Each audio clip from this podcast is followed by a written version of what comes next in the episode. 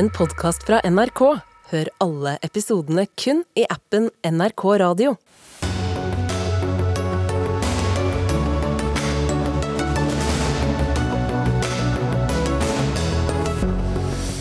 Det tok 120 dager, men så møtte justisminister Emilie Enger Mehl i Stortinget om sin omstridte TikTok-bruk, og sa unnskyld på et vis. Men hun er blitt TikToks hærfører i Norge, kritiserer Medietopp.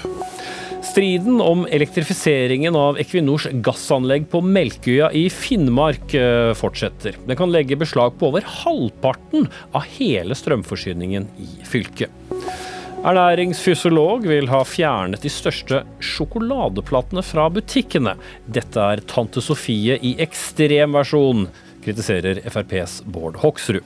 Og i Bergen ja, der er det strid om hvorvidt barnehagene bør ha kveldsåpent. Barna har ikke godt av det, sier KrF. Turnusarbeidere har godt av det, sier Venstre.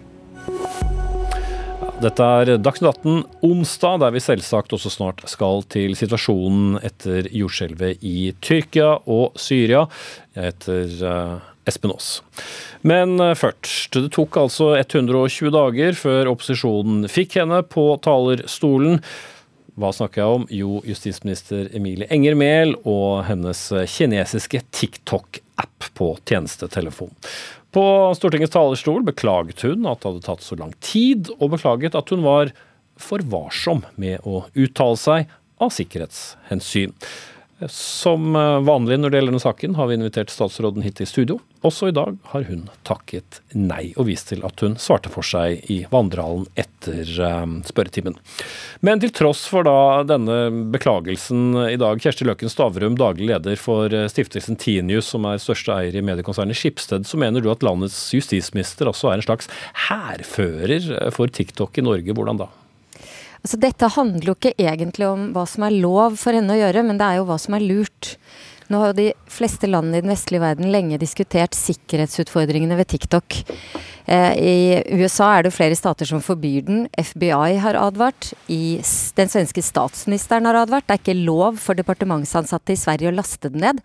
Mens vi har en justis- og beredskapsminister som oppfordrer alle andre til også å være der hvor ungdom er. Og det jeg mener dette handler om nå, og sånn som disse 120 dagene har utviklet seg, så har jo hun blitt en ja, en hærfører for TikTok. Hun forsvarer TikTok, mens alle de andre nå lurer på i hvor stor grad lekker informasjon, biometriske data for våre ungdommer, og da for også vår justis- og, vil jeg understreke, beredskapsminister til Kina.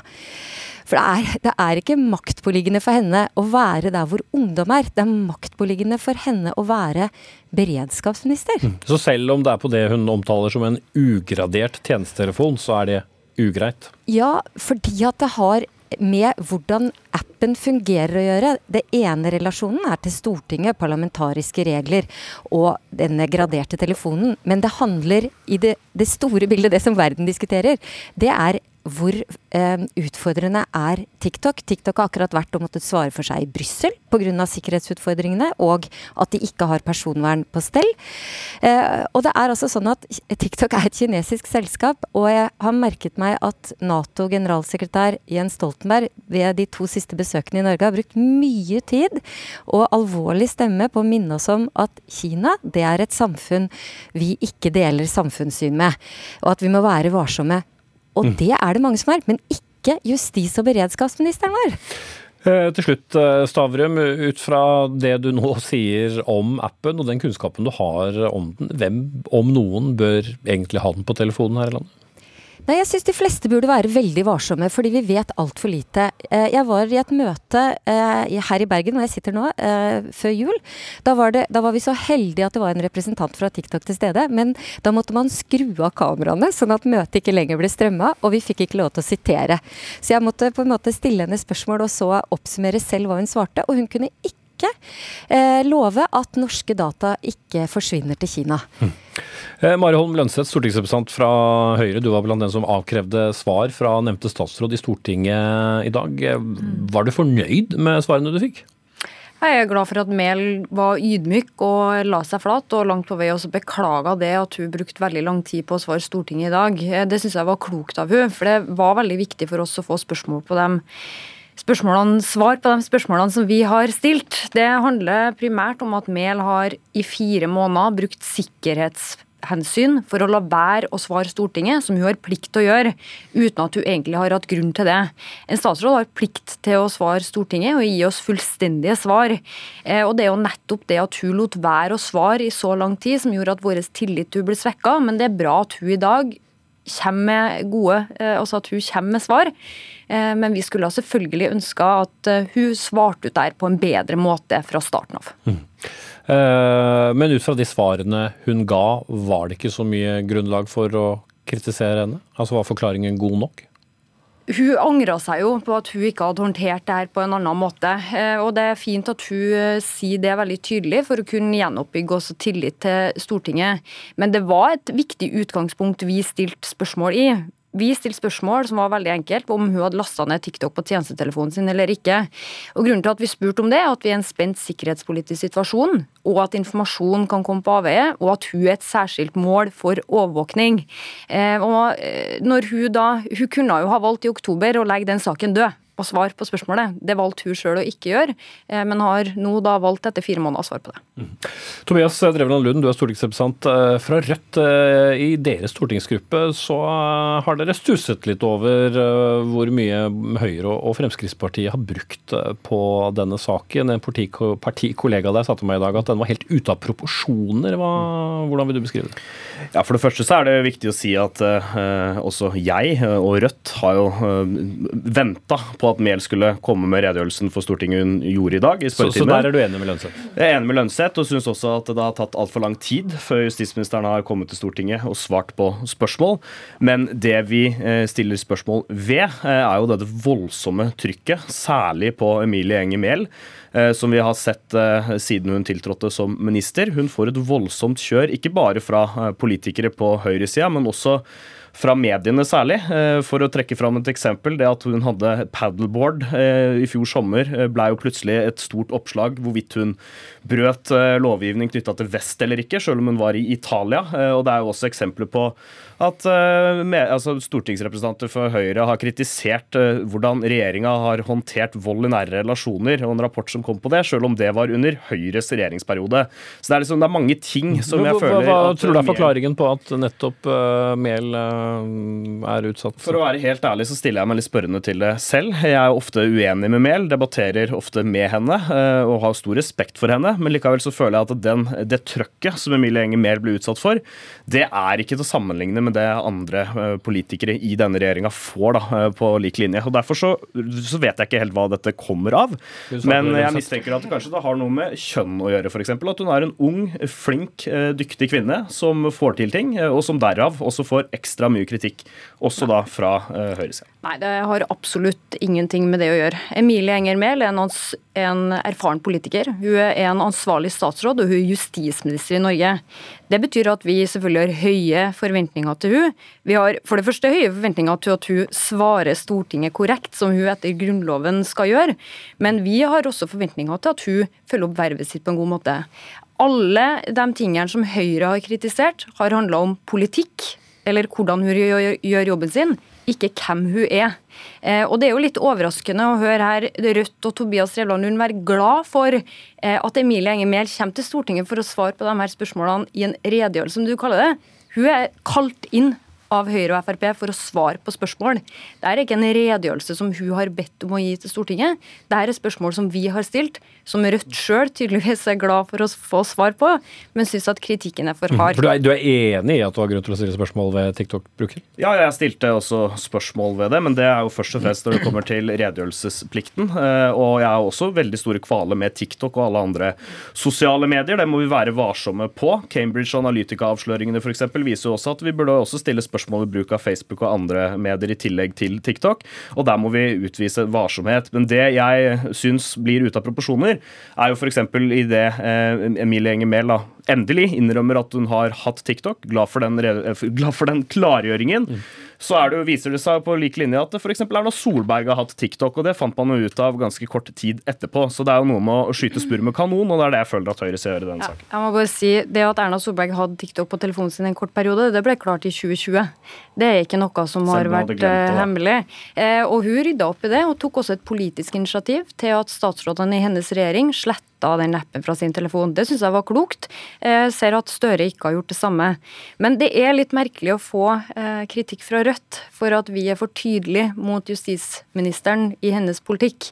Det er mange ting vi er uenige med justisministeren i. Jeg er primært opptatt av å diskutere politikk med hun. Enten det handler om reversering av domstolsreformen, som jeg mener fører til svekka rettssikkerhet, eller Ja, I og med du ikke er her, så kan du ikke svare på det. Men, ja. men, men eh, hvis vi bare spoler tilbake til det vi hørte Skipsted-toppen eh, Stavrum med fra Bergen eh, si her. Er, er dere ferdig med denne saken? Er det da greit nok så lenge hun har en egen telefon med sosiale medier-app hvor, hvor hun ikke har e-post og, og annen gradert informasjon? Ja, sånn som det ser ut nå, med de svarene hun har gitt, så ser ikke vi noe behov for å gå videre med det her. Men det er klart at her har Emilie Enge Mehl over flere måneder latt være å svare Stortinget på spørsmål som hun skulle ha svart på.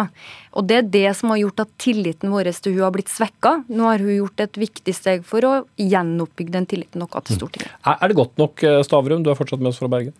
Nei, det er ikke det. Dette handler ikke om 120 dager eller et paddleboard, som hun også er blitt kritisert for. Hun er, hun, henne, hennes jobb tilsier at hun skulle vært ledende i en debatt om hvorvidt TikTok er en sikkerhetsutfordring. Eh, og det er, det er det som jeg oppfatter at de i studio ikke tar tak i, og, og, at det kanskje er liksom manglende kunnskap om TikTok.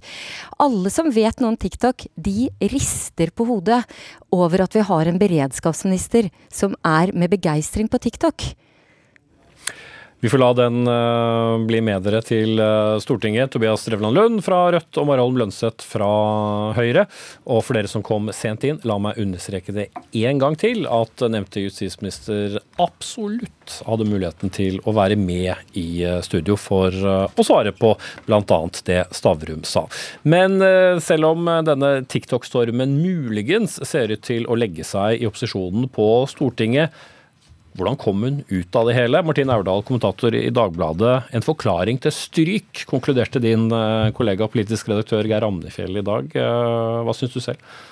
Jeg er enig. Jeg syns det er tynt. Og jeg syns det er eh, Altså, det er jo ingen tvil om at justisministeren kommer svekket ut av denne saken, hvor Stortinget altså har stilt ti, spørsmål, ti skriftlige spørsmål i 120 dager før hun til slutt kommer med både et ordentlig svar og en slags beklagelse, og jeg er nødt til å gjøre det gjennom flere spørsmål og en, en grilling i Stortinget i dag. Dette kunne jo Emilie Enger Mehl ha kommet eh, mye lettere ut av hvis hun bare hadde svart på spørsmålene hun fikk eh, med en gang. For, for det svaret hun kom med, at dette var på da en ugradert eh, tjenestetelefon, det kunne hun ha sagt for lenge siden. Ja, det kunne hun ha eh, svart Dagbladet for 100 og noen og 40 dager siden. Eh, Slik som hennes kolleger Ingvild Kjerkol og Bjørnar Skjæran gjorde. De sa med en gang ja, det har vi hatt, den har vi sletta. Og så var vi ferdig med det. Mm. Tone Sofie Agling, politisk kommentator her i NRK. Hva slags justisminister så du på talerstolen i dag? Du, jeg vil si at det var en, en litt sånn klassisk eh, Emilie Enger Mehl-opptreden. For det var veldig tydelig at opposisjonen hadde lagt inn en bestilling på en beklagelse. Så, så er liksom vi fornøyd, og det fikk de jo også. Men det, det var jo en veldig skoleflink beklagelse. Det var eh, en justisminister som var så opptatt av sikkerhet, som var så opptatt av å ta forholdsregler. Ja, for det var det hun sa flere ganger, at eh, hun beklaget at hun var så opptatt av sikkerhet Ja. at hun ikke hadde svart tidligere. Og, og Ja, ble- hvordan hang det sammen? Hun ble så opptatt av å være varsom at hun ble for varsom. Eh, og det ble liksom eh, hennes forklaring. Og det, det føyer seg jo En ting at det er inn i rekka av interessante eh, beklagelser fra politikere, men det andre at det er også litt sånn typisk eh, Emilie Enger Mehl. At hun eh, Det er nok både hennes styrke og hennes svakhet. At hun blir liksom så flink i situasjonen, så forsiktig med hva hun sier. At hun blir litt sånn ordknapp og kanskje sier litt for lite. Og, og det som er liksom det store mysteriet nå, er jo hvordan det som for mange framstår som en fillesak, for noen en litt mer alvorlig sak, uansett noe som var tilgivelig, som har latt selv har latt vokse til å bli en ganske stor sak for henne. Ja, Høyre og Frp som har ledet an, så jo ut til å være fornøyd i dag med å ha fått en, en unnskyldning. Kjersti Løkken Stavrum mener politikerne absolutt ikke må slippe denne saken, men er den ferdig nå? Ja, Nå har jo både Høyre og Fremskrittspartiet signalisert at de ikke ønsker å forfølge den saken videre. så Sånn sett så kommer den jo ikke til å få noen politiske konsekvenser for justisministeren utover det at hun uh, har sikkert syntes det har vært slitsomt, og at hun, hennes uh, omdømme har fått seg en knekk. Men det står jo igjen en del uh, alvorlige spørsmål ved hvordan Eh, våre toppolitikere både brifes i og behandler uh, ulik informasjon på sine telefoner. Altså denne ugraderte tjenestetelefonen nummer én og nummer to. og Det er litt sånn, uh, det er en del sånne spørsmål som står igjen uansett. Dette burde de jo ha tydelige retningslinjer på i utgangspunktet. Jeg er ikke enig med Kjersti Løken Stavrum at det er absolutt galt at politikere er på TikTok. Jeg syns tvert imot at det å være tydelig ute på ulike sosiale plattformer kan være en styrke. Men da er man helt nødt til å ha egne telefoner og utstyr for å gjøre akkurat det. Og det burde jo alle disse politikerne ha blitt kurset i med en gang de kom i posisjon. Og så kan det jo godt tenkes at uh, dette er et problem da som gjelder veldig mange politikere, både i regjering og på Stortinget. Altså, uh, nå er vel kanskje ikke Candy Crush Erna Solbergs favoritt kinesisk, men den samler inn ganske mye informasjon og jeg tror veldig mange av oss er altfor naive i forhold til hvordan vi eh, behandler eh, vår digitale informasjon. Ja da, og, og, og både Marion Lønseth som satt her i studio, ikke TikTok lenger, da, spurte henne om det før, før, sending, men er jo aktiv på sosiale medier. Sylvi Listhaug som var til stede i dag, også veldig aktiv på sosiale medier. Så selv om ikke de er på TikTok, så har de vel kanskje sitter, og Så kan de ikke bare kaste sten som de vil. Nei da, og det er jo litt sånn interessant å høre den debatten vi nettopp hørte. Den handla jo på minst tre forskjellige plan. Det ene handler jo om forståelsen av TikTok og sikkerhet uh, i seg sjøl. Men så hørte vi jo at uh, særlig Høyre er jo mest opptatt av håndteringa og det inntrykket som er skapt av at Mehl ikke har villet svare på spørsmål og denne informasjonsplikten.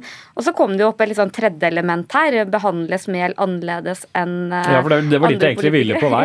Hva, hva svaret ditt på det? Behandles noe annerledes? Du er jo litt innpå det, at hun har en egen måte å, å svare for seg på.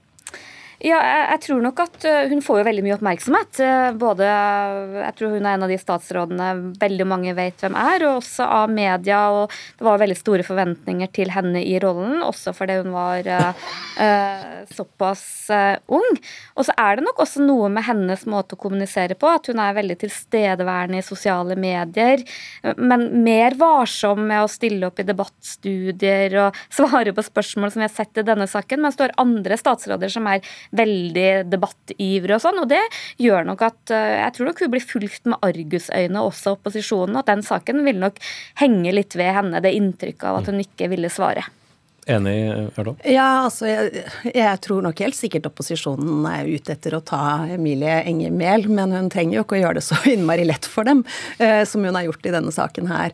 Og eh, altså den beklagelsen i Stortinget i dag, den, eh, med disse private sikkerhetsvurderingene som hun selv har gjort ved siden av og i tillegg til de rådene hun har fått og ikke fått fra de ulike sikkerhetsmyndighetene, de, det, det framstår uh, rett og slett uh, uforståelig for meg hvorfor hun uh, skal gjøre det så veldig lett å kritisere henne. Mm. I hvert fall brukt nesten 19 minutter av Dagsnytt 18 på denne saken nå. Takk skal dere ha. Martine Aurdal, kommentator i Dagbladet, og Tone Sofie Aglen, politisk kommentator her i NRK.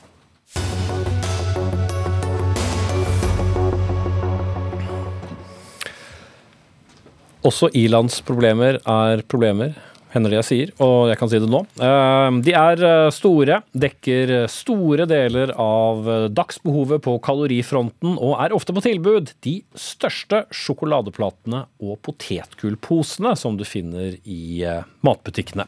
Tine Sønfør, du er klinisk ernæringsfysiolog og er ikke begeistret over disse store variantene som, som kan fås. Hva er problemet med dem?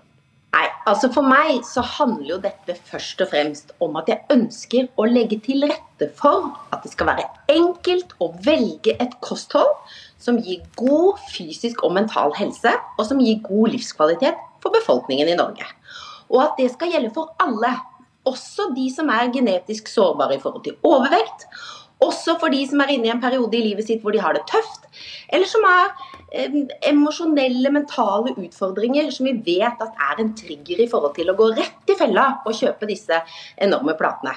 Mm, ja, og Du sa jo til TV 2 at du ikke, helst ikke ville sett alle disse tilbudene på de digre sjokoladeplatene og, og store potetgullposene. Men hva er forskjellen på det å bare kjøpe tre litt mindre plater eller litt flere mindre potetgullposer? Det er veldig fint at du spør, fordi at ja, du kan godt kjøpe tre mindre plater. Men dette her er jo ikke noe jeg satt hjemme og fant på en dag jeg hadde spist litt for mye sjokolade på en lørdag. Det er jo fordi at vi har forskning som har vist oss at når porsjonsstørrelsene øker, så kjøper folk mer. Her har vi internasjonale studier som er oppsummert i en såkalt Cochrane Review, som viser at folk kjøper så mye mer at de ved å unngå det kunne gått ned inntil 1-2 kilo hver måned, de som har overvekt. Så dette her spiller en stor rolle. Og folk kjøper ikke like mye når det er de små. Bård Hoksrud på Stortinget for Fremskrittspartiet, også tidvis eh, kjent eh, i opptil flere størrelser på, på, kort tid. Eh, dette var ikke et utspill du lot deg begeistre av? Nei, altså intensjonen til Trine den syns jeg er bra. Utgangspunktet mener jeg er bra. er, Det er en utfordring, selvfølgelig. Men det er liksom sånn når man skal forby sjokoladeplater, så, så er det liksom sånn det er fullt mulig å få tak i en sånn bitte liten en. Det, altså, det er ikke sånn at man må kjøpe en 200 gram eh, plate. Og hvis man gjør det, så er det ofte fordi man har det til familien, til helga, kaffeselskap osv. Så, videre.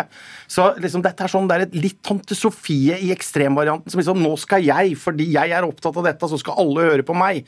Eh, og så skal man, får man det kroppspresset til ungdom og, så, eh, og barn osv. som føler liksom at man skal ha en skam fordi at man kjøper sjokolade, eller fordi man får sjokolade og spiser litt mye sjokolade. Jeg syns ikke det er en, et godt utgangspunkt, og det er derfor jeg reagerer litt. Men, men da har jo sett tilbud hvor du til og med kan få fem sånne sjokoladeplasser. Det er vel en kilo med, med sjokolade eh, som du kan få for en, en hundrelapp i, på tilbud.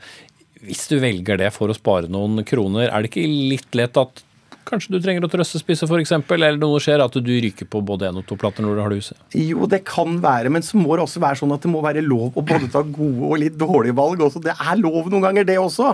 Og så er forskjellen at fordi eh, det jeg opplever at man, har, man starta på at man vil ha forbud mot de store platene, så er man gått litt tilbake på det. Men så prater man om at man vil ha tilbake sukkeravgifta. Ja, det betyr jo bare at det er bare å sprette champagnen for alle som driver butikk f.eks. i Sverige på grensa.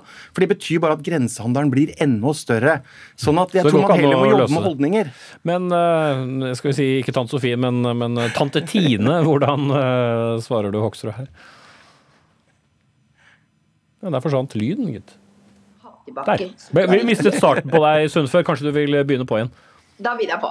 Du, jeg vil veldig gjerne ha tilbake sukkeravgiften nå, jeg. Ja. Fordi at vi vet igjen fra forskning at det fungerer. Folk handler mindre når vi får sukkeravgift. Og når du sier 'sprette champagnen på svenskegrensen' Sukkeravgiften ble fjerna. Og Hoksrud vet helt sikkert like godt som meg at det gjorde ikke at uh, handelen av sukkerrike matvarer i Sverige gikk ned. Det er bare noen Så den der, som Men det kan vi diskutere også videre. Men når det er sagt, så har jeg lyst til å si det. At her sånn så handler det Du var innom dette med barn og unge. Ja. Vi trenger mange tiltak. Vi trenger tiltak både i forhold til dette med å, å regulere størrelser, i forhold til sukkeravgift, i forhold til markedsføring av usunn mat, som nå skjer direkte mot barna, som vi vet at er mer sårbare. For de har ikke den samme konsekvenstenkinga som oss. Og vi vil vel være med på å legge til rette for at norske barn skal få god helse. I tillegg til det så er jeg veldig opptatt av mange poeng å svare på. Den andre siden at vi skal få billigere frukt og grønt, så jeg vil fryktelig gjerne ha at sukkeravgifta skal gå direkte inn i og gi oss billigere okay. og det er ikke tvil om at Med de utfordringene som mange står i nå i forhold til matpris osv., så, videre, så skulle vi gjerne redusert matmomsen og halvert matmomsen. Det er Fremskrittspartiet tydelig på. Men jeg har lyst til å si når man sier at hvis man bare reduserer eh, størrelsen på platene, så slutter folk å kjøpe det. Da tør jeg minne om at det var det stikk motsatte argumentet man brukte i forhold til sigaretter. Da gikk man opp fra ti, altså de tipakningene ble borte, og bare 20-pakninger, som også er de store. Og da var argumentet akkurat det samme som Tine Sundfør nå bruker som argument mot de store platene. Så man kan jo begynne å lure litt på denne forskninga og hvordan man mener hva som funker og ikke funker. Og så er det jo ikke tvil om at det er faktisk sånn at det må være lov å ta valg, og man skal ikke ha dårlig samvittighet fordi om man spiser sjokolade. Det er faktisk et valg, det også. Men så er jeg helt enig, vi må jobbe for å sørge for at vi får gode matvaner. Ja, det gjør vi med informasjonsarbeid, det gjør man. Vi har masse i skole. Men alle Så- vet at sjokolade ikke er sunt. alle vet at sjokolade, for mye sjokolade ikke er sunt, men det er altså sånn at veldig mange så er det ikke sånn at man spiser opp den 200 grams plata aleine. Det er ofte noe man har til kos, som jeg sa. Enten et kaffeselskap eller til, til helga hvor hele familien skal sitte sammen. Så jeg syns at Tine Sundfør begynte veldig sånn ekstrem, og så har jeg skjønt at hun liksom har gått tilbake på. Det er det som gjør når noen begynner med forbud og påbud og okay. sånn, så, så kommer Frp-ryggmargsrefleksen. Da blir vi skeptiske. jeg, jeg har ikke gått tilbake på noe som helst. Jeg, jeg vil ha forbud mot større sjokoladeplater. Men jeg har lyst til å si det, i og med at du ga meg en liten lillefinger her, eh, Bård, i forhold til dette med tobakk, så drev jo holdningsarbeid i forhold til røykeslutt i Norge fra 1970 og fram til år 2000. Det skjedde ingen reduksjon i andelen som røyker. Så fikk vi røykelov. Det var også fryktelig upopulært. Men i etterkant så sier folk at dette setter de pris på. Og hva skjedde? Jo, da endret folk atferden sin og holdningene sine. Det holdt ikke med kunnskap. Alle visste at det var farlig å røyke. Men hvor mange er det som røyker i Norge i dag? Vet du det? Kanskje de spiser sjokolade er ute hundre òg. Ja, ja og er, også, men greia her er jo det at det må faktisk være lov å få lov å, å, å, å, å velge dette her. Og så vet vi at mange unge da er veldig opptatt av å være sunne, spise sunt, trene osv. Så, videre. så jeg syns at eh, Men, men liksom sånn, når, man, når man hele tida skal liksom forbud, påbud og si at dette skal man ikke få lov til Det må faktisk være lov for folk å kunne få lov å kjøpe den sjokoladen hvis man ønsker det. Og hvis folk ikke vil ha det, hvis det er sånn som tiden sier før at folk egentlig ikke vil ha det, ja da hadde man slutta å produsere. Det er en grunn til at man produserer, det er faktisk fordi kundene ønsker det, og det syns jeg at den valgmuligheten skal kundene få lov å få. Jeg er sikker på at du har et langt og godt uh, svar på det, Tine Sundfør, men eh, vi kan ikke bli helt så store sjokoladeplater heller, og vi må runde av denne debatten. Eh, takk skal dere ha. Du er klinisk ernæringsfysiolog og Bård Hoksrud, stortingsrepresentant for Fremskrittspartiet på Stortinget.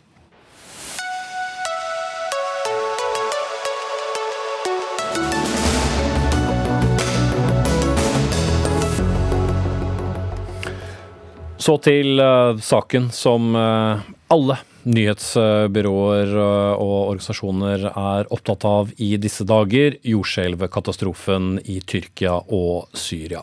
Flere enn 11 700 mennesker, ja så mange er så langt bekreftet omkommet eh, i jordskjelvet som rammet de to landene natt til mandag. Tusenvis er skadet. Et ukjent antall mennesker fryktes å ligge under ruinene av de sammenraste bygningene. WHO anslår at så mange som 23 millioner mennesker i Tyrkia og Syria er på en eller annen måte berørt av skjelvet. Og Midtøsten-korrespondent Yama Wolasmal, du følger med på nyhetsbildet. Hva har dagen i dag brakt oss av nyheter? Altså Redningsarbeidet i både Syria og Tyrkia pågår eh, for fullt. Eh, De eh, utfører en helt modig innsats, disse redningsmannskapene som har jobbet døgnet rundt siden dette jordskjelvet traff de to landene.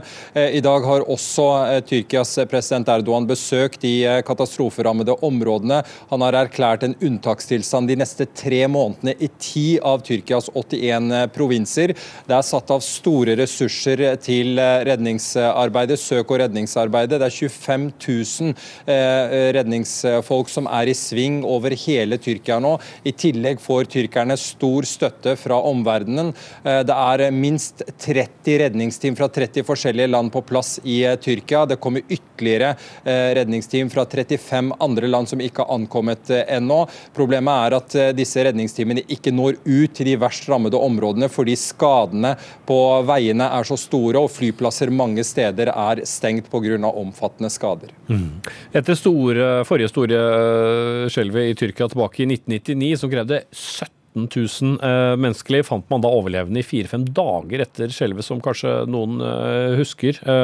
Hvordan er sjansene for å finne overlevende videre nå?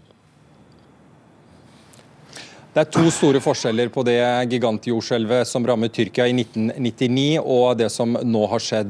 For det første var det bitte litt eh, svakere. Det målte 7,6. Dette skjelvet målte 7,8, så det er, det er, kraftigere skjelv. For det andre så var skjelvet i 99. Det fant sted i august, hvor temperaturen er varmere.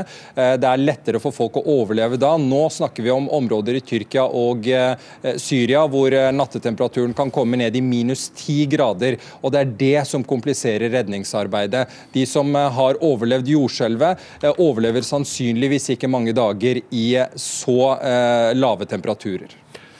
Og President Erdogan har også innrømmet i dag at det er utfordringer med dette arbeidet. Men Morten Myksvold, kommentator i Bergens Tidende, du kjenner Tyrkia godt. Eh, mange av Erdogans eh, medier, eller de han kontrollerer, har så langt eh, fremstilt denne hjelpeinnsatsen som vellykket. Er dette et tegn på at han skjønner at ikke alle tror på det? Ja, og de får jo veldig masse kritikk nå, regjeringen til Erdogan, for at spesielt militæret ikke har vært aktive nok i, i redningsarbeidet. Som, som, det blir sagt her, så er det områder som ikke en kommer fram til med eh, redningsteam pga. ødelagte flyplasser. Militæret har nok kapasitet til å, å reise der sivile ikke har det. Eh, så, så der får en eh, absolutt en god del kritikk. Tove Bjørgaas, USA-korrespondent. Natos generalsekretær Jens Stoltenberg er i, i Washington nå, på vei til møte og pressekonferanse med, med USAs utenriksminister. Hva skjer nå med diplomatiet rundt svensk og finsk Nato-medlemskap? Vi så jo at Sverige var veldig tidlig ute med å poengtere at de ville hjelpe. Det er jo veldig viktig for USA at Sverige og Finland kommer inn i Nato. Og så er det jo altså denne konflikten med Erdogan som gjør det vanskelig å få Sverige inn. Eh, og Jens Stoltenberg han er her nå for å snakke med eh, spesielt mange republikanske politikere i Kongressen. Der har jo de overtatt flertallet, eh, bl.a. om dette også om økonomisk støtte til Ukraina. Men når han skal snakke med utenriksminister Blinken her i, i Utenriksdepartementet, hvor jeg står i dag, så handler det jo ikke minst om å få Sverige og Finland inn i Nato. og Utenriksdepartementet her lovet også med en gang all den hjelpen Tyrkia måtte trenge etter eh, jordskjelvet. Eh, jeg tror vi skal være forsiktige med å blande disse to eh, sakene. Men, men, men, vi vet at det er svært viktig for Biden-administrasjonen at, at, Nato-prosessen går sin gang. Det er også mange her i USA som har bånd til Tyrkia, men, men, det er i hvert fall kommet en klar melding fra Biden om, om, at de skal få all den hjelpen de trenger fra USA. Mm. Men Morten Myksvold, den politiske situasjonen i Tyrkia som sådan kan vel fort bli endret eh, av uh, dette skjelvet, og ikke minst hvordan da Erdogan fortsetter å håndtere det? Ja, altså Det skal være valg i Tyrkia mest sannsynlig i mai. Um, og, og det er både president og, og parlamentet som, som, står på spill. Erdogan sliter allerede i motbakke med både en økonomi som blir stadig uh, verre. Han gjør det forholdsvis dårlig på målingene. Uh, og så er jo som kjent Tyrkia ikke et helt vanlig land. Han kan godt vinne eh, valget selv om, om, det ser dårlig ut, fordi valgene ikke er like frie og rettferdige som de en gang var. Men uh, kritikken mot han hagler nå. Det var et amnesti i 2018 for ulovlig oppførte bygg, bl.a. når det kommer til jordskjelvsikring.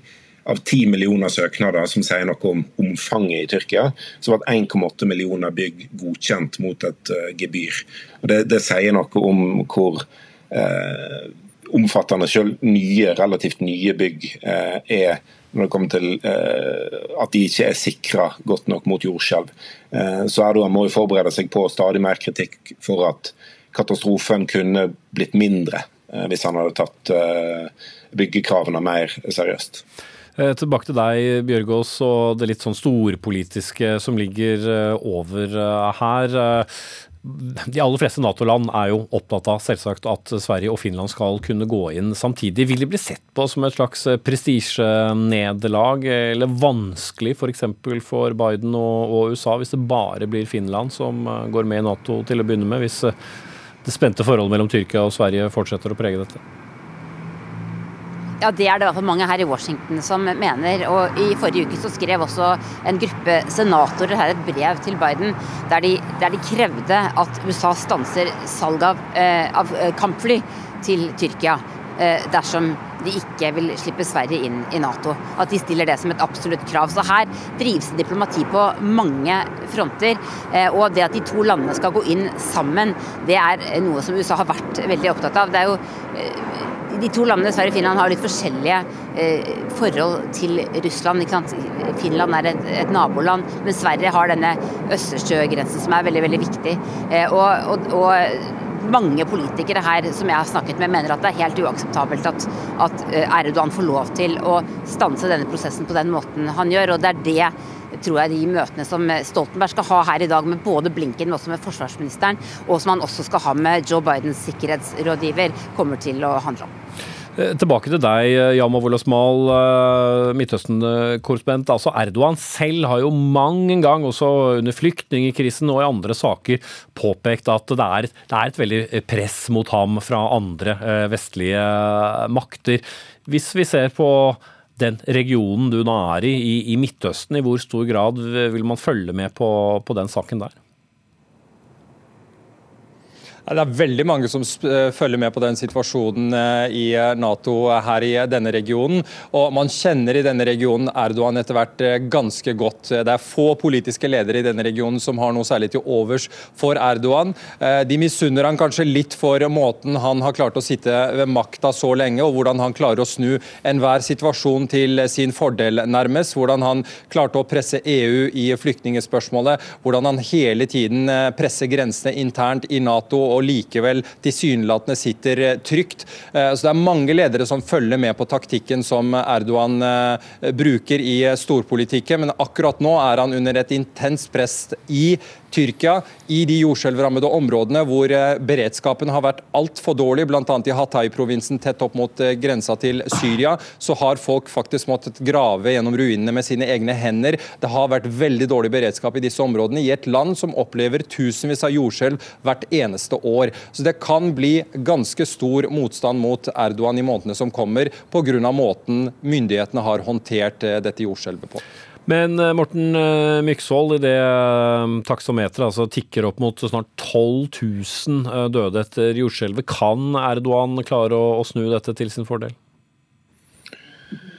Ja, altså han kan jo alltids uh, klare det, men det, det er som det blir sagt her, et, et veldig intenst press. Uh, men vi ser allerede at påtalemyndigheten har begynt å, å, å gå etter journalister, opposisjonelle, som har kritisert regjeringen for kriseberedskapen og, redningsoperasjonen, og at det tydeligvis er, straffbart.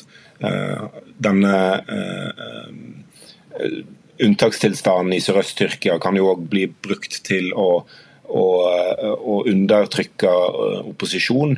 Eh, så at dette er inngangen til valgkampen, kan han jo altså Det er åpenbart er ulemper for han, men han har en lang historikk med å klare å, å hindre opposisjonen akkurat nok til å, å vinne sjøl.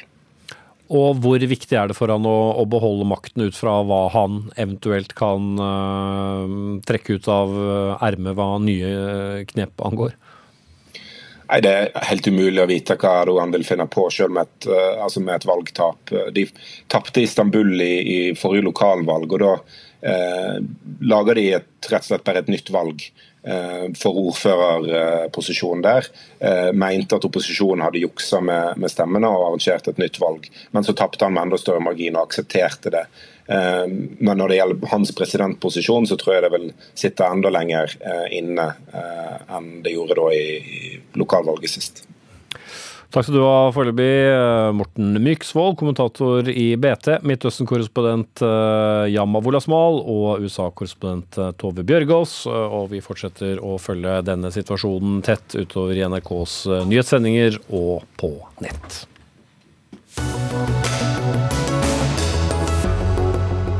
Litt senere i Dagsnytt 18 hadde det ikke vært fint om også barnehagen var kveldsåpent, slik at du rakk å jobbe ferdig kveldsvakten din der du jobber turnus. Det syns iallfall Bergen Venstre, men får en kilevink av KrF, som slettes ikke synes det er noen god idé. Den eh, politiske striden om elektrifiseringen av Melkøyas, eller eh, Equinors LNG-gassanlegg på Melkøya utenfor Hammerfest, den fortsetter. Anlegget er eh, i dag en av de største utslippskildene av klimagasser i Norge. Men blir det elektrifisert, slik planen er, så går klimagasset ned, men legger beslag på kanskje opp mot over halvparten av all strøm i Norge fylke. Eller det som var et fylke, Finnmark. Flere ordførere i nord frykter at dette kommer til å gå utover både næringsutvikling og arbeidsplasser i regionen. En av dem er deg, Jan Martin Rishaug. Du er varaordfører i Alta fra Senterpartiet. Dere er veldig kritiske til disse planene om elektrifisering, men samtidig det er vel viktig også å ha Equinor på plass? Ja, absolutt. Det er viktig å ha Equinor på plass, men det finnes mange andre måter å eh, gjøre de, det punktutslippet mindre. og der, der, tenker jeg jo først og fremst på eh, karbonfangst. og vi ser jo eh, Equinor har jo i dag lagt frem et hinsides resultat som viser at de har både kapital og vi vet at de har kompetanse og teknologi som skal til for karbonfangst, som ingen andre, og kanskje ikke noen andre land heller har. Så det er absolutt at de bør kanskje se på den muligheten. Ja, 75 eh, milliarder dollar var årsresultatet i, i fjor for, eh, for, Equinor, som du, du, viser til. Men eh, hvis vi går på konsekvensene, og det er jo utredet, men hva, hva mener du blir konsekvensen dersom det gjennomføres da for Finnmarks del? Nei, Vi vet jo allerede i dag at de, har lagt, uh, de, har lagt, beslag på ja, halvparten av den energien som finnes i nettet i dag, som ikke brukes. Og, og, Det vil jo igjen gå utover industrietableringer som gir arbeidsplasser i uh, hele Nord-Norge. Det er jo ikke snakk om bare Finnmark. Altså, de har lagt, lagt, beslag på halvparten av all kapasitet som er i Nord-Norge. og Det vil jo ramme mange mange, mange både kommuner og, og andre som ikke får da industrietableringer og lengt, etterlengta arbeidsplasser, som gjør at folk faktisk er nødt til å flytte fra områdene våre for å seg en eh, jobb. Men er alle i Alta også begeistret for å bo så nær Norges tredje største utslippskilde? Ja, da har jeg ikke snakka med et menneske som eh, er uenig om at vi må avvente med elektrifiseringa. For det som, som skjer med elektrifiseringa, det er jo det også at menigmannen vil mest sannsynlig få en høyere strømpris. Eh, da man beslutta å bygge, bygge denne linja, så var det snakk om at man skulle bygge to linjer. For at eh, hvis Melkøya skulle elektrifisere, så måtte man bygge to linjer. Men Statoil den gangen sa at de har ikke behov for den strømmen.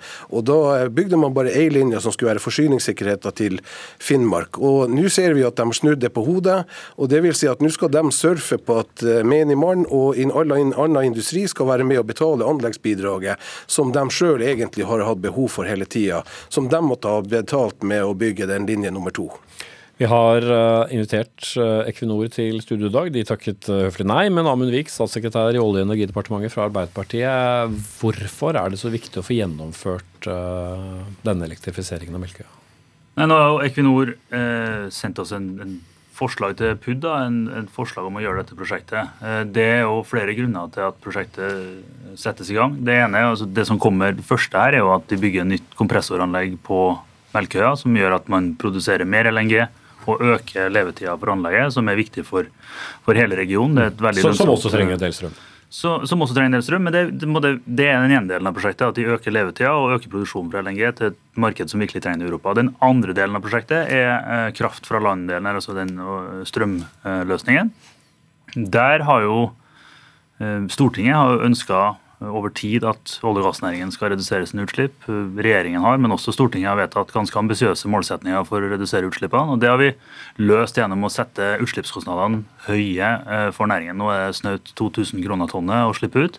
Det gjør at denne typen prosjekter er lønnsomme for næringen å gjøre, selv når de nå må betale anleggsbidrag for den viktige kraftledningen som kommer fra, fra Skaidi til Hammerfest for å utløse dette prosjektet.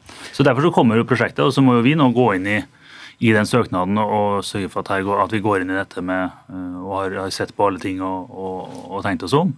Men det er klart, for regionen så er det viktig å øke levetida på anlegget på Jammerfest. For regionen er det òg viktig å få på plass ny kraftledning fra, Skaidi til, fra Hammerfest til Skaidi for å eh, få både produksjonen opp, men òg krafttilførsel. Men med det at det kan komme til å legge beslag på over halvparten av alle kreft, eh, ikke kreft, men kraftressursene i eh, Norges største fylke når det blir tilbakestilt, er ikke det et lite rødt flagg? Altså det er jo, Tilgjengeligheten på kraft er jo en av de tingene som både Statnett og NVE ser på når de behandler den type søknader. Vi har flere kraft fra land-diskusjoner og prosjekter inne nå. og Her har de sagt det kan du bygge, men da må du hjelpe til å betale for kraftledningen fra Hammerfest til Skaidi for å sørge for at det kommer nok kraft til til at dette systemet tåler det. Og Så må jo vi parallelt med dette sørge for at vi legger til rette for økt kraftproduksjon i regionen samla sett. Men også at når vi bygger om, altså når, hvis de får OK da, på denne planen, så gjør de jo endringer i Skaidi for å få denne ledningen til å henge sammen. Og Da må man også bruke en anledningen til å prøve å trekke strømledninga østover i Finnmark, som får utløst både lønnsomme investeringer i den delen av, av landet, men ikke minst ny produksjon som henger på at næringsnettet blir sterkere. Så er det så litt omstridt hvor nå dette her skal gå, med beiteområder for, for rein osv. Vi lar det foreløpig ligge. Terje Halleland, olje- og energipolitisk statsperson på Stortinget fra Fremskrittspartiet. Dere liker jo gjerne å omtale dere selv som olje- og gassnæringens beste venn på, på Stortinget, men akkurat her er du helt rivende uenig med Equinor? Ja, her er vi helt uh, rivende uenige. Og jeg, jeg, jeg syns uh, det er veldig viktig nå at vi puster litt med magen og så ser litt på hva situasjonen vi er oppe i. Uh, her er vi i en situasjon som, som har store mangel på, på kraft. og det kan ikke være i noen sin interesse her, uh, verken for samfunnet eller for en stor aktør som Equinor, å tappe hele regionen for, for, kraft, sånn at annet næringsliv blir lidende under dette. Nå får vi tilbakemeldinger om at mindre bedrifter ned til til, med, med, søknader ned på 5 megawatt ikke lar seg uh, realisere pga. mangel på kraft. Så, Eller fordi så, det da er reservert i utgangspunktet da, en, en stor mengde til Equinor? Ja. Er at Equinor har vært inne og reservert uh, denne kraften, og dermed så hindrer de uh, nytt næringsliv. Så jeg tror at den situasjonen som nå er forholdsvis ny, egentlig i hele landet, så må vi tenke nytt. Vi, må våge å, Men Det får jo noen konsekvenser å skrote et sånt prosjekt, ikke minst på den korte veien som er frem til, til 2030 og Norges klimamål? Ja, altså, men, men, men, altså, vi er i en situasjon eh, der, der Statnett nå kommer og forteller oss at uh, kraftoverskuddet vårt er borte om to år. Uh, vi kommer til å ha underskudd om tre år. Det er klart at dette vil gå utover noen.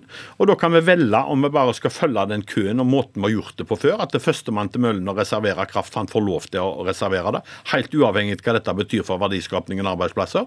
Det må vi våge å tenke nytt og så se på muligheten. Og det vi ser her nå i, i, i Finnmark, så vil eh, annet næringsliv bli svært skadelidende. Mm. Da må vi bruke tid på å få inn en ny rekkefølge. Men, men Amundvik, hvis vi skulle stanse, hvis dere skulle velge da å ikke si ja til det forslaget som ligger der fra, fra Equinor på, på, på gjennomføringen, ville det fått så store konsekvenser? Akkurat nå så har jo prosjektet kommet til, eh, til behandling som ett prosjekt. Dette kompressorprosjektet som handler om å øke produksjonen og øke levetida, og uh, kraftløsningen. De er prosjektert som, som ett prosjekt. Det er ikke uten videre enkelt å, å, sende den ene tilbake og behandle det andre. Da må det prosjekteres eh, på nytt. Uh, og så er det også da behov for, for, noe mer effekt for å drive det større kompressoranlegget over tid, som en av grunnene til at de har sett på denne endra kraftløsningen. Så tror jeg jo at uh, Allan har jo rett i at vi vi har en utfordring over tid med tilgangen på, på kraft i, i, hele landet, egentlig. For det kommer mye spennende nytt forbruk opp og ned langs hele kysten. Så tror jeg at mm. men, men, men, spørsmålet var altså konsekvensen hvis vi ikke elektrifiserer Melkøya. Hva, hva blir det? Nei, det blir jo antageligvis Nå har vi den til behandling, eh, men det er klart eh, det blir flere konsekvenser. Den ene konsekvensen er jo at vi ikke blir i nærheten av å nå noen klimamålsetninger. Dette er 900 000 tonn, Norges tredje største utslipp. Det andre er jo at de må tilbake til tegnebrettet med det prosjektet som nå ligger her. Eh, og man får ikke det momentumet å øke levetida og produksjonen på dette feltet som nå er ganske nødvendig rundt omkring i Europa. Eh, og Det er på en måte de to hovedkonsekvensene. Pluss den tredje konsekvensen blir at du da ikke får bygd ny kraftledning fra Skaidi til eh, Hammerfest. I hvert fall så må de pengene komme fra et annet sted. Mm. Hvordan vil du løse det, Halleland? Ja, altså, Jeg hører jo at eh, en, en skyver veldig fort klima foran seg, men, men denne avtalen som, som petroleumsnæringen og departementet skyver føre seg, er jo, en, er jo en avtale med norske myndigheter og, og petroleumsnæringen i, i, i, forbindelse med skattepakken, har jo ingenting med Norge sine internasjonale forpliktelser å gjøre. Det klarer vi fint å opprettholde. Eh, petroleumsnæringen er en del av kvotepliktig sektor og konkurrerer med annet næringsliv i Europa eh, og, og, og annen industri i Norge. Og det er ingen eh, som, som er med å bygge ut eh, anleggene for annen industri i Norge eller petroleumsnæringen. Eh, og, og meg forstår så synes jeg jo at Equinor har et rimelig greit overskudd og, og, og muligheter til å ordne dette på, på annet vis. Så, mm. så, men, men, da kutter vi jo ikke utslipp hjemme, altså da kjøper vi oss fri ute. Er det et uh, greit signal? Ja, det, her kan du ha karbonfangst på, på Melkøya som et alternativ. Uh, her, det er mange gode prosjekter i Finnmark nå som ikke får tilgang på kraft, som er med på, på omstillingen av samfunnet. Uh, Bl.a. Barents Blue, som vi hørte om i Horisont Energi, som nå ikke får tilgang til kraft. Dette er jo såkalt fremtidsretta. Men ingen får jo tilgang da til en forbedret kraftsituasjon i Finnmark hvis ikke eh, man skal elektrifisere Melkøya? Ja, men altså, eh, Nå er det 400 eh, megavolt som, som, som blir tilgjengelig hvis en da ikke hvis en fjerner reserveringa som, som, Equinor har. Og Det klarer Finnmark seg med i utgangspunktet. Men så må vi jo selvfølgelig jobbe der som alle andre plasser, at vi får inn ny strøm til Finnmark fra Balsfjord hovedsakelig. Men, men linja mellom Hammerfest og Skaidi kan f.eks. avventes noe pga. at en har mer tilgang til, til den lokale verdiskapningen. Vi vil ha inn Rishaug til slutt.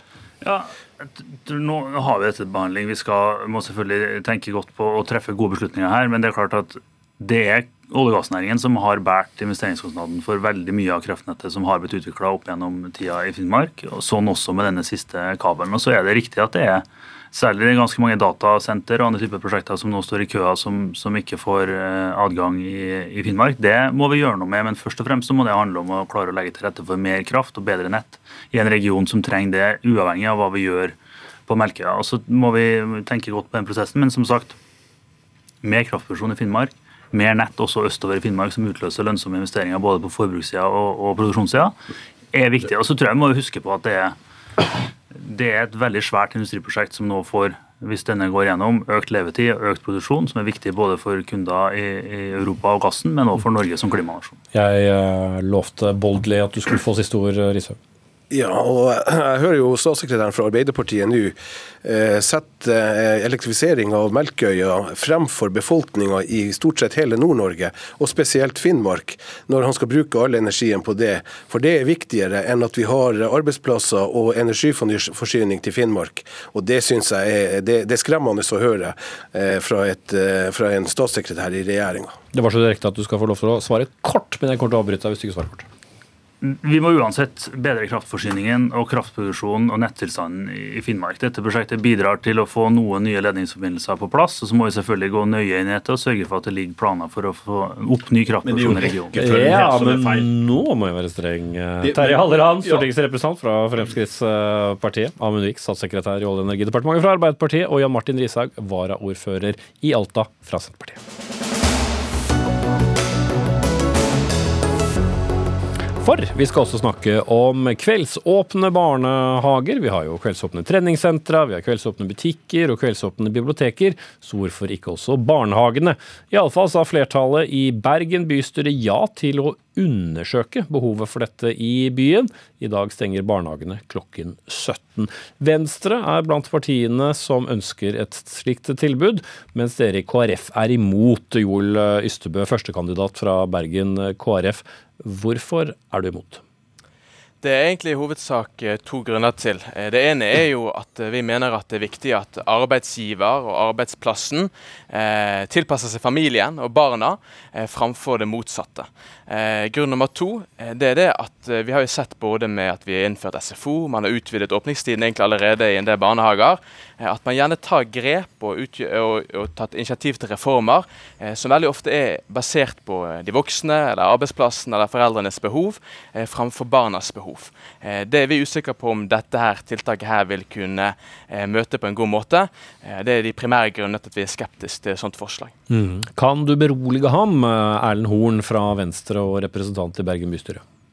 Ja, det tror jeg jeg kan. Altså Det er klart at folk lever eh, ulike liv, eh, og vi mener dette er ikke en motsetning mellom eh, barns beste og, og, voksnes beste. Det er klart Barnehager har to viktige funksjoner i, i, samfunnet. Det ene er å være en god start på livet for, for barn, men det er også for å sørge for at foreldre kan stå i jobb, og samfunnet har et behov for at foreldre står i jobb.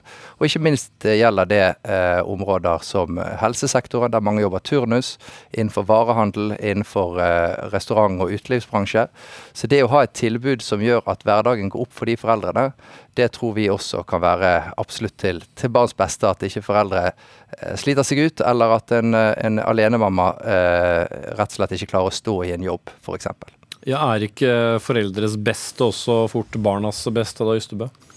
Det er utrolig viktig definitivt at vi fører en politikk som også ivaretar foreldrene sitt beste. Eh, men det som vi er bekymret for her, er at man nettopp ikke Eh, bidra til foreldrenes beste heller. fordi at Hvis man får en, en effekt av et sånt forslag og en, et sånt tiltak, eh, hvor arbeidsgiver ikke velger å legge til rette for arbeidstakerne sine, sånn at man skal kunne få lov til å være på jobb på dagtid og kunne slippe å nettopp benytte seg av en sånn type kveldsåpen eller veldig fort også nattåpen barnehage, eh, det tror vi er et type tiltak som vi ikke eh, tror nødvendigvis vil kunne løse den tidsklemmen og de utfordringene som definitivt er reelle for mange eh, foreldre, særlig aleneforeldre som jobber turnus. Men da er det vanskeligere for de som jobber turnus, da, å kombinere jobb og, og småbarn?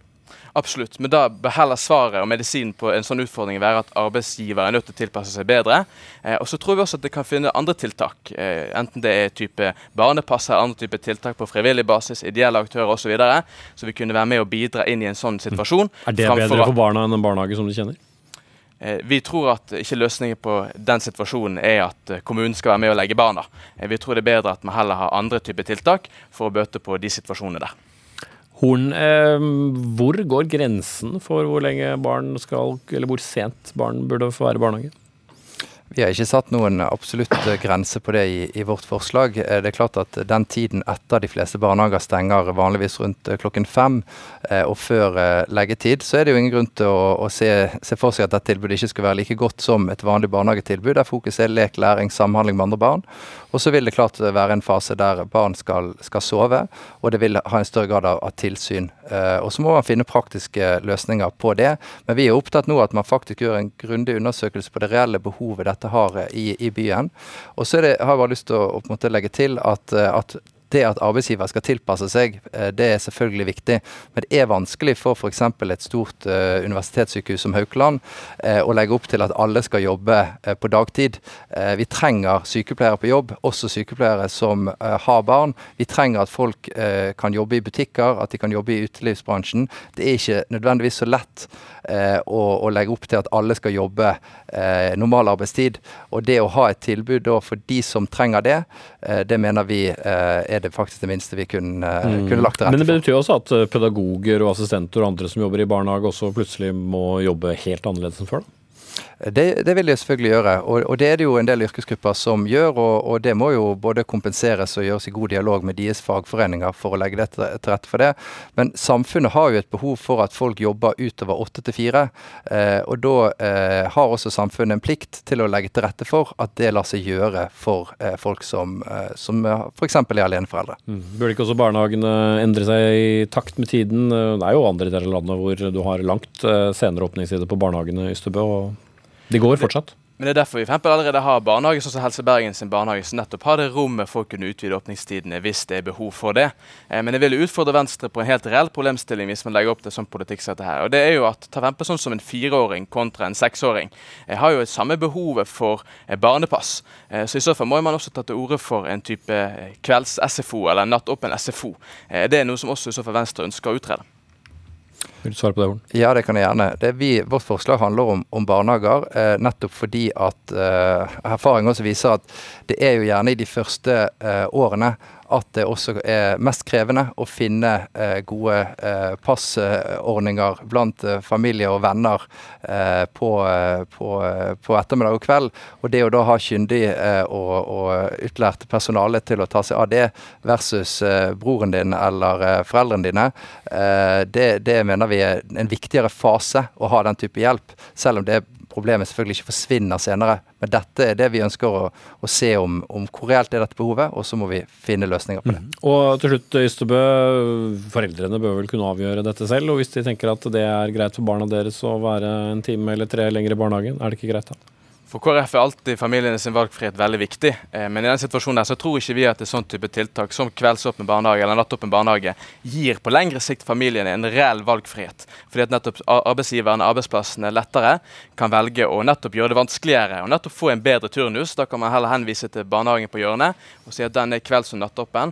Heller send barna dine der. Eh, vi kommer ikke nødvendigvis til å hjelpe deg. Sånn som man gjerne har gjort frem til nå, hvor mange arbeidsgivere tross alt også er gode på å legge til rette for foreldre i denne situasjonen.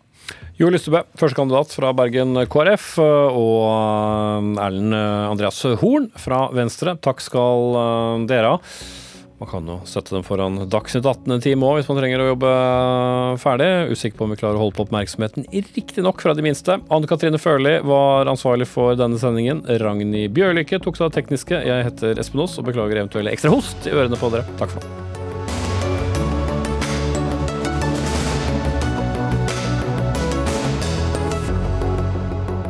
Du har hørt en podkast fra NRK. Hør alle episodene kun i appen NRK Radio.